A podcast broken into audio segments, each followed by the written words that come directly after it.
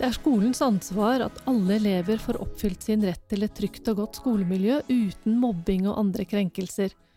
Og mye bra arbeid gjøres der ute, men i altfor mange tilfeller får ikke elevene et trygt og godt skolemiljø, til tross for at skolen setter inn tiltak etter tiltak.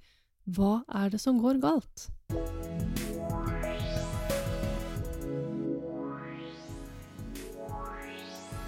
Dette er Veilederpod fra Visma, en podkast for ledere og ansatte i offentlig sektor.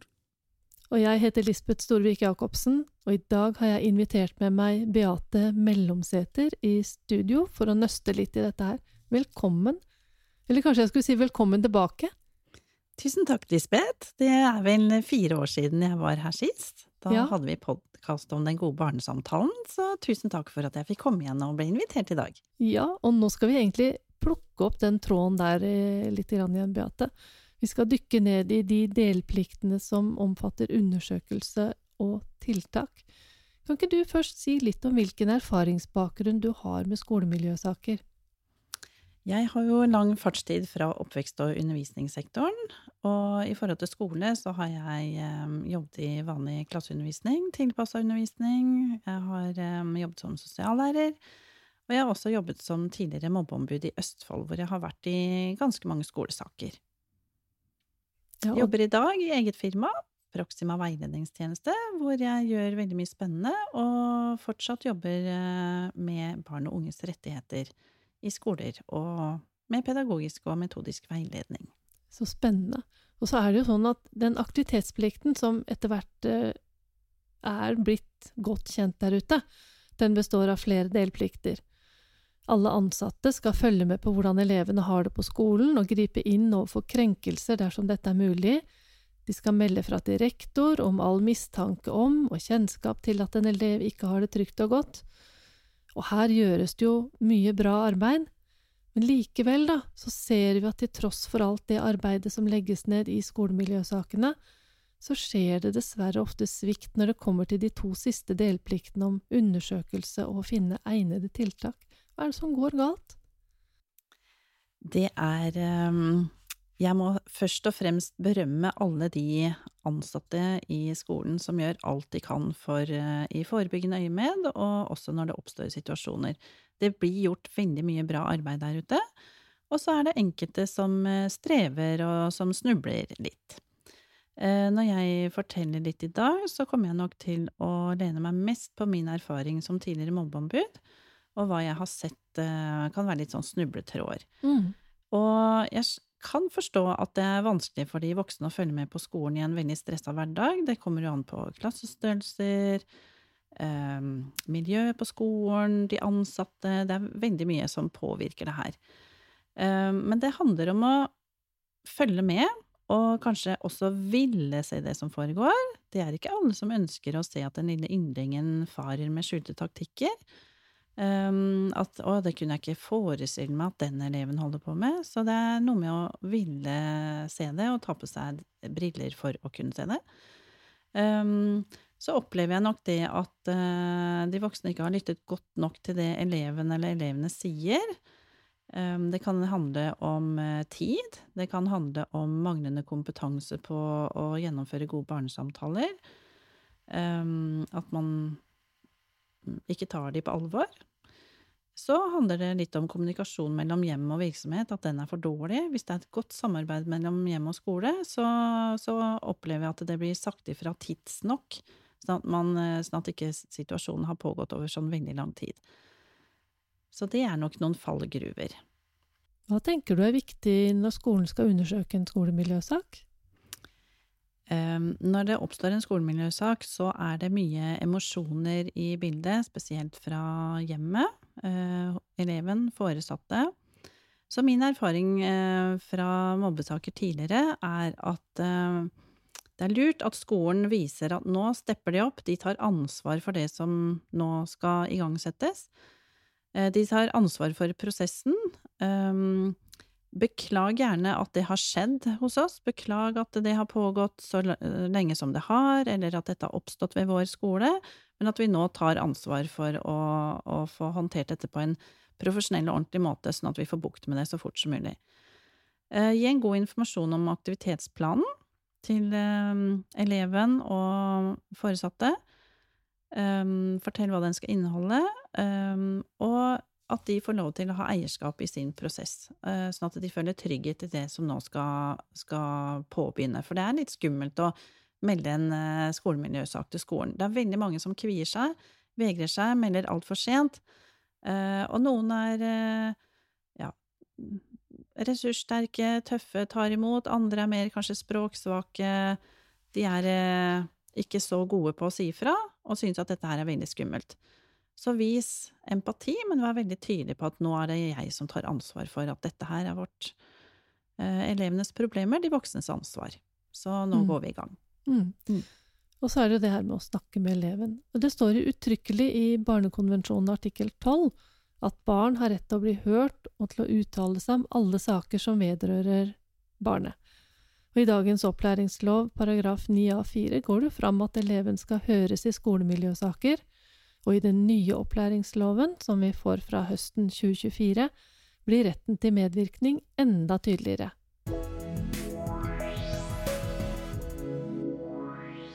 Hva er din erfaring med hvordan elevene får lov til å medvirke i å finne egnede tiltak i sånne saker, Beate? Eh, min erfaring er nok at eh, elevene kanskje ikke får medvirke godt nok i egen sak. Aktivitetsplaner blir eh, utarbeidet, og så blir de lagt frem for eleven og foresatte, og så er det sånn det blir. Ehm, jeg sier ikke at alle skoler opererer sånn, men jeg sier at det er en kanskje generell fallgruve. Ehm, med god intensjon og mening, selvfølgelig. Jeg tenker det er viktig å undersøke godt. Undersøkelsesfasen bør være god nok, eh, og alle berørte elever bør snakkes med. Eleven som blir utsatt for det, eh, elever som utsetter andre elever for krenkelser og vanskelige saker. Og så må man også huske på at det vi kaller tilskuerne, mm. de som nødvendigvis ikke er berørt av det som pågår, men de som ser på ufrivillig, de sitter også på veldig mye informasjon.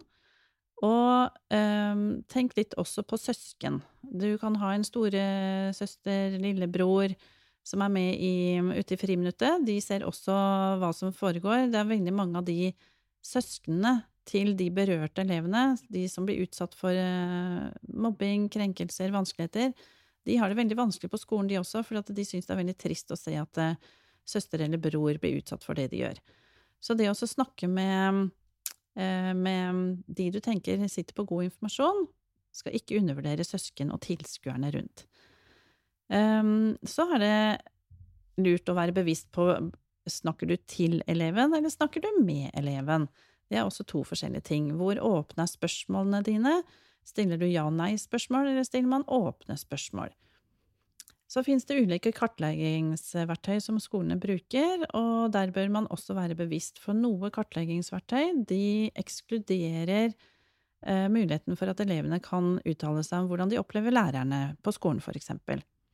Eh, da er det bare sånn elevfokusert og retta, og ikke og ekskluderer da hvor man kan uttale seg om de voksne på skolen. Mm. Men det er ikke sånn at man eh, Et kartleggingsverktøy vil ikke Eh, hva skal jeg si, erstatte det å ha samtaler med eleven og undersøke likevel? Nei, det vil jeg si er et, eh, et hjelpeverktøy. Eh, det er alltid dialogen som er den viktigste. Et kartleggingsverktøy kan ikke favne alle punkter. Og det kan være litt sånn kronglete og vanskelig å fylle ut for elever. Så det å bruke det som et kartleggingsverktøy til innpass inn i en elevsamtale, det er veldig nyttig. Men mm. eh, dialogen er den viktigste. Men det er jo lett å si at skolen skal høre de involverte elevene, men i praksis er det kanskje ikke like enkelt å få fram det som faktisk er elevens stemme, da. Hvilken erfaring har du med denne type samtaler? Eh, det er jo ikke alle voksne i skoler som er komfortable med en vanskelig barnesamtale. Så det å ha kompetente voksne som kan det, um, få noe kompetanseheving hvis du ikke er så god på det, uh, men det må i hvert fall være en bevissthet rundt hvem eleven skal snakke med. Det må være en uh, barnet er trygg på, og som, har, som, som eleven har tillit til. Det kan være en kjent eller ukjent. Noen elever syns det er trygt å snakke med en de kjenner godt. Andre elever vil heller snakke mer åpent med en som er helt ukjent. Det kommer helt an på den enkelte elev, om de ønsker å uttale seg. Noen, noen klarer det, noen klarer det ikke. Noen klarer det mindre. Og da kan det være nødvendig at eh, foreldre også kan være barnets talsrør. Hvis eh, dersom eleven ikke klarer selv, da. Den som snakker med elevene, må være en sterk voksen som tør å stille de vanskelige spørsmålene. Ja, for det er viktig. Ja, for noen tør jo nesten ikke å gå inn i det rommet nei. der, ikke sant. De titter i nøkkelhullet og ser inn og tenker oh, oh, oh. Uh, nei, det vet jeg ikke hva jeg tør å Tør ikke å kanskje høre hele sannheten. Så det må Den voksne som skal snakke med eleven, må tåle å høre sannheten og må tørre å stille de vanskelige spørsmålene. Um, elevene sitter jo oftest på fasiten. Mm. De har selv svaret på hvilke tiltak skolen bør iverksette for å få bukt med, med situasjonen. Jeg har vært, eh, Som tidligere mobbeombud så har jeg vært i mm, flere hjemmebesøk eh, hos skolevegrere. Og jeg har vært hjem der hvor det har vært eh, en elev som ikke har vært på skolen på flere måneder, og hvor jeg ble møtt med en foresatt som var veldig steil på at uh, denne eleven skal ikke på skolen før jul, og dette var begynnelsen av oktober. Og da må du møte med, de med empati og forståelse for hvor de står, og så har man en god samtale med eleven, og hvor eleven skisserer flere tiltak som må være på plass for at de i det hele tatt skal kunne komme kanskje én time på skolen. Eh, og jeg kommer ikke inn med noe verken tryllestøv eller noe tryllestav eller på ingen måte. Dette her er noe som alle voksne kan klare å få til med en skolevegrer, mener jeg, bare du møter dem på en empatisk, lyttende måte. Og da, i de sakene hvor jeg har vært tidligere med skolevegrere, så har jeg hørt eleven helt ut. Eh, jeg oppsummerer samtalen. Er det riktig at jeg har forstått sånn og sånn? Kvalitetssikrer det og forteller at er det greit at jeg nå da tar dine tiltak med til skolen, og så ser vi om vi kan få til det. Ofte så har disse skolevegrerne tiltak som er eh, eh, Noen av de er enkle tiltak å iverksette, det er på ingen måte noe urimelig. Eh, og ting må være på plass, og da har jeg vært med å tømre dette her. Eh, først så går jeg på skolen, skisserer tiltakene som eleven har fremsatt. Dette skal la seg gjøre går tilbake til elevene og sier at skolen er velvillig på dette her. Dette, det, disse tiltakene kan vi iverksette så fort som mulig.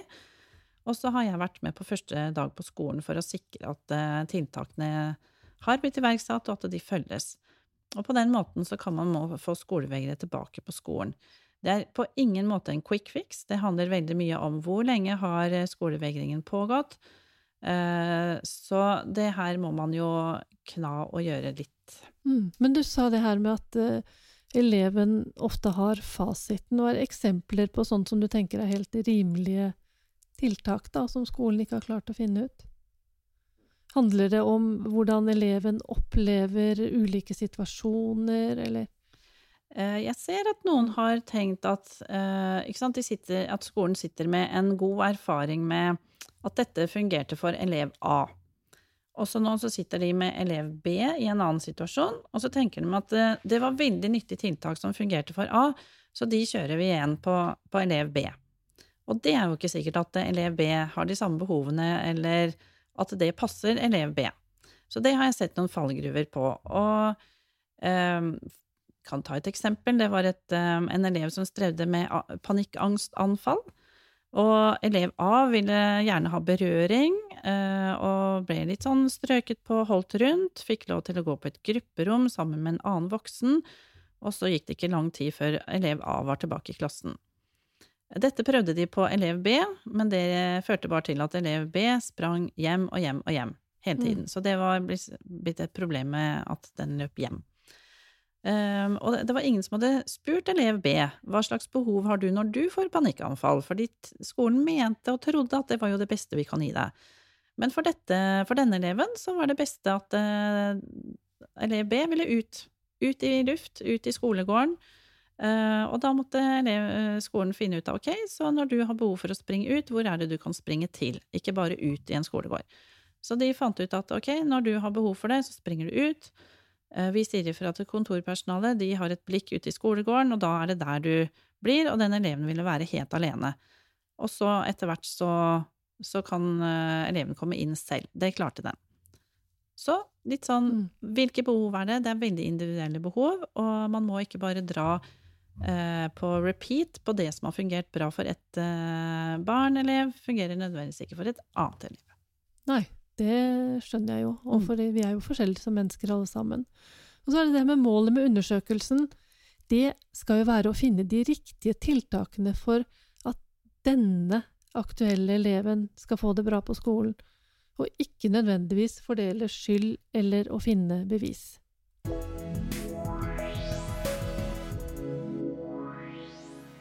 Men selv om man ikke skal lete etter bevis, så er det vel viktig å finne ut hva som faktisk er situasjonen?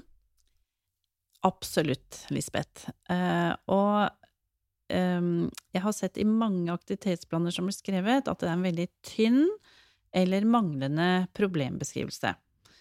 Eh, jeg liker å kalle det for situasjonsbeskrivelse, for at situasjonsbeskrivelsen skal være her og nå. Hva er det som er vanskelig? Og ved å skrive en god situasjonsbeskrivelse, så kan man finne nøkkelord i beskrivelsen hvor man kan sette inn treffende tiltak. Eh, Det bør være tiltak på individnivå, gruppenivå og systemnivå. Og ehm, jeg har jo sett tidligere at det overøses med nå må du slutte med det, og heller begynne med det, på den eleven som blir utsatt for krenkelser og mobbing. Ehm, men ikke legg noe mer ansvar på det utsatte barnets skuldre. Ta vekk så, mye som mulig fra det barnets skuldre. Det har det vanskelig nok som det er, har det. Eh, og jeg vet at mange av disse ungene som blir utsatt, utsetter også andre for saker og ting. Så, uh, så det er ikke det at de skal liksom pakkes inn i bomull, det er ikke det jeg sier. Men prøv å se dens um, litt sånn ståsted, og iverksett individ-, gruppe- og systemnivå. Det kan være at på elevnivå, hva gjør vi der? Eh, På klassenivå, hva gjør vi der? Kanskje vi skal jobbe litt mer med skolemiljøet. Um, Utdanningsdirektoratet har en nettressurs som er fantastisk i forhold til dette, hvor du bare kan gå inn og se hva er det vi strever med, og der kommer det masse forskningsbaserte tiltak på, på individ- og gruppe- og systemnivå. Mm. Men det handler om å finne ut hva er det som er problemet, før Ja. man kan finne de riktige tiltakene. Ja. Mm. For ofte så setter skolen inn tiltak på ting som egentlig ikke er problemet. Og da vil de bomme på, på tiltakene sine. Mm. Så det er liksom en av nøklene. Ja, en Mm. god situasjonsbeskrivelse, finn nøkkelordene og sett inn treffende tiltak. Mm. Så må evalueres for å se om det fungerer. Absolutt. Eh, en, det er jo det aktivitetsplanen skal være. Det skal være en kjøreplan. Den eh, skal evalueres. Eh, og fortløpende, hva er fortløpende? Noen tiltak skal iverksettes, og jeg mener at det bør være strakstiltak som kanskje evalueres allerede i første uke. Eh, ukentlig, kanskje noen ganger daglig, mens andre tiltak må være mer langsiktig. Eh, men dette finner man ut med, med elevene og hjemme. Mm. Er det alltid viktig å finne ut hva som har skjedd ned i minste detalj, eller kan man ha fokus på å se framover? Eh, Det er vanskelig å svare generelt på hvor grensene går for detaljer. Men husk å holde fokus på det å snakke godt nok med eleven, eh, de elevene det gjelder. Gjerne også med foresatte og andre ansatte på skolen, så får man et godt oversiktsbilde. Eh, Når vi snakker om detaljer, så kan det være nødvendig å gå inn på detaljnivå, for eksempel hvis det er en elev som stadig blir utsatt for at eh, ja, ikke sant, lua eh, kastes langt nedover gangen, jakka som henger på gangen ligger alltid på gulvet, det er alltid min jakke som er på gulvet, eh, sekken min blir kasta rundt omkring, men så vet man ikke helt hvem det er. Da bør man jo gå inn på detaljnivå og tune inn kikkerten på hvem er det som hele tiden napper. Mm. Eh, hvem er det som kanskje blikker? Hvem er det som styrer andre medelever? Da må man gå på detaljnivå. Um, jeg har jo hørt skoler som sier men, men, ja, vi har observert så godt vi kan, vi har observert alt, vi. Vi har observert i timen, i overgangssituasjonen, vi har observert ute i friminuttet. Uh, og så har hun kanskje observert et par dager, og det er nesten helt umulig å kunne observere så mye på alle disse arenaene. Så det å liksom ha kikkerten med seg noen ganger og tenke ok, det er dette, dette, er det store og hele problemet, men hvem er det egentlig vi skal ha, prøve å finne ut av? Hvem er det som gjør det her? Ikke for å arrestere, men for å sette en god tiltak. Mm. Mm. Og da må man tune kikkerten sin inn på detaljnivå. Ja, det skjønner jeg da. Mm. Uh, vi skal straks snakke litt mer om å dokumentere hva man gjør. Og det er jo også lovpålagt å dokumentere det arbeidet som gjøres i skolemiljøsaker. Men hvorfor er det så viktig? Eh, det er jo en dokumentasjonsplikt, det er jo lovpålagt, og dokumentasjonsplikten er delt i to. Har en, eh, skolen har en dokumentasjonsplikt på hva som gjøres i forebyggende øyemed, og så har de eh, en dokumentasjonsplikt på hva gjør de når situasjoner oppstår. Um, I begynnelsen, når denne loven kom i august 2017, så var det mange som ble helt svette på skolen, for de trodde at aktivitetsplan som er lovpålagt å utarbeides innen fem virkedager, at de trodde at uh, saken skulle være løst innen fem dager, at de skulle komme i mål og ha fasitsvaret på alt da, innen fem dager, og det er jo helt umulig. Ja, da blir det mye armer og bein, og noen sitter nok fast i den fortsatt selv om ikke det er så mange. Det er helt riktig, Lisbeth, for det er mm. også min erfaring at uh, den, lever, den frykten lever litt enda. Og det er jo ikke sagt at, uh, at, vi skal være i mål på fem dager, men det er en kjøreplan. Dette er det vi skal igangsette, dette er det vi skal begynne med. Og så er plan et levende arbeidsverktøy for oss i prosessen. Og husk barnets eh, medbestemmelsesrett. Um, uh, og hvis ikke barnet kan uttale det selv, så må vi ha foreldrene med. Og foreldrene er alltid lurt å ha med uansett. Eh, drøft tiltak og forslag. Eh, ikke tre plan nedover hodet på eleven og hjemme. Men det er ikke sånn at eleven skal bestemme alt? Eleven skal ikke bestemme alt, men den skal bli hørt og forstått. Og hvis det er ting som eleven ønsker å ha med seg i en plan som blir urimelig, så må den på en måte gjøres oppmerksom på det. At jeg hører at du sier at du ønsker sånn og sånn, men det kan vi ikke fordi. Mm. En god forklaring. Og, og de er ikke urimelige. Eh, elever, de Bare de forstår godt nok, så, så, forstår de det. Og ja, det er dermed ikke sagt at eh, selv om barnet har medbestemmelsesrett, at det skal bestemme alt, men det skal medvirke i sin egen plan. Og det er veldig viktig at barnet selv da har tro på sin egen prosess og det som nå skal skje. For hvis du har mista eleven allerede fra starten, så, så, vil den på en måte ikke delta og ikke ja, ha tro på egen prosess. Da kommer du ingen vei. Da må du tone deg ned eller trygge eleven enda mer. Mm. Mm. Er det noe mer du tenker at vi burde ha snakka om før vi gir oss uh, i denne episoden? Eh, du har jo vært inne mm. på lovverk og i forhold til Barnekonvensjonen. Eh, da vil jeg bare kort si at eh, Barnekonvensjonen er en internasjonal avtale om barns rettigheter, og at Norge bestemte seg for å følge den fra 1991, og at den er blitt nedfelt i Grunnloven mm. i Norge i 2003. Den eh, går foran alle andre norske lover dersom de står mot hverandre, og den blir ofte kalt for barnas egen grunnlov i Norge.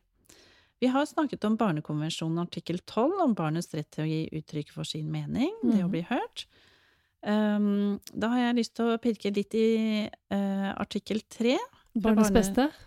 ja, ja, barnets beste. Mm. Og det har jeg også sett i mange planer, at uh, skolen skriver at uh, barnets beste er vurdert. Punktum. og det gir jo ingen god informasjon. hva er det skolen har vurdert til barnets beste? Det kan være at de har vurdert ulike tiltak, men at de faller på dette. Og da er det veldig lurt å skrive det med i planen. Eh, så ønsker jeg også å fremheve en artikkel til, og det er Barnekonvensjonen artikkel 24. Ja, For den har vi ikke vært inne på før i dag. Nei. Nei. Og den, eh, den, er det ikke mange skoler som har med seg, men jeg, jeg, kaster den ut, og det er ikke sikkert at det er riktig å ha den med seg eh, i alle saker, men i enkelte saker så er det veldig lurt å ha det perspektivet også. Og det er artikkel 24, retten til helsehjelp. Um, noen ganger så kan det være nyttig å se det hele store bildet rundt et barn. Det kan være familiesituasjon, bør det inn med noe forsterka helsestasjon, eh, barnevernstjeneste, eh, det kan være økonomi, familieøkonomi. Da kan Nav være med på banen eh, i et sånt flerpartssamarbeid. Eh, hva med kost og ernæring? Um, er det lurt å ha med seg fastlege inn i dette? Um, BUP er inn i en del saker. Uh, der hvor BUP allerede er, barne- og ungdomspsykiatrien er inne i saken, så er det kanskje ikke nødvendig å sette inn noen tiltak på skolen og sende eleven til helsesykepleier, for at det kan bli litt mye kokker og søl. Da er det kanskje bedre at skolen har et tettere samarbeid med BUP, hvor barna allerede går. Uh, for helsesykepleier, det er et tiltak som veldig ofte blir iverksatt i, i aktivitetsplaner. Uh, og det kan være veldig bra, men det kan også bli for mye hvis de allerede er i et helseløp et annet sted. Uh, og så ser jeg også det er litt sånn mangel informasjon på at eleven sendes til helsesykepleier. Da bør det stå hva er intensjonen med å sende eleven til helsesykepleier. Hva skal de samtalene omhandle? Og det vil bare være parallelt med de tiltakene som iverksettes i aktivitetsplan. Mm. Mm. Det er eh, Skjønner at det er det er mye som kan gå galt, og mye kan kanskje også repareres med litt enkle Eller, en god forståelse av dette her, da. Men det er en kunst å gjøre undersøkelsene riktig og grundig nok, og uten å bruke for lang tid. Og at valg av egnede tiltak, det må altså ta utgangspunkt i det som faktisk er den reelle situasjonen for denne eleven. Ja, Beate, skal vi si takk for oss for denne gangen. Tusen takk for at du kom på besøk og vil snakke litt om det her. Tusen takk, Lisbeth. Takk for at jeg fikk komme. Jeg vil veldig gjerne avslutte med å si, for nå har vi snakka mye om det som er vanskelig i skolen, og, og, hva de strever med, men jeg vil igjen si at det er eh, utrolig mange flotte skoler. Det blir gjort veldig mye flott arbeid. Og jeg syns det er fint at eh, media har litt fokus på det nå, det her med det psykososiale miljøet, både i barnehager og skole at det er et satsingsområde. Så det er mye bra som gjøres, og det er mye bra som, som kan gjøres enda bedre. Kjempefint. Dette er Veilederpod fra Visma, en podkast for ledere og ansatte i offentlig sektor. Og ansvarlig for denne sendingen har vært Lisbeth Storvik Jacobsen, produsent og teknisk ansvarlig Magnus Bjørneby.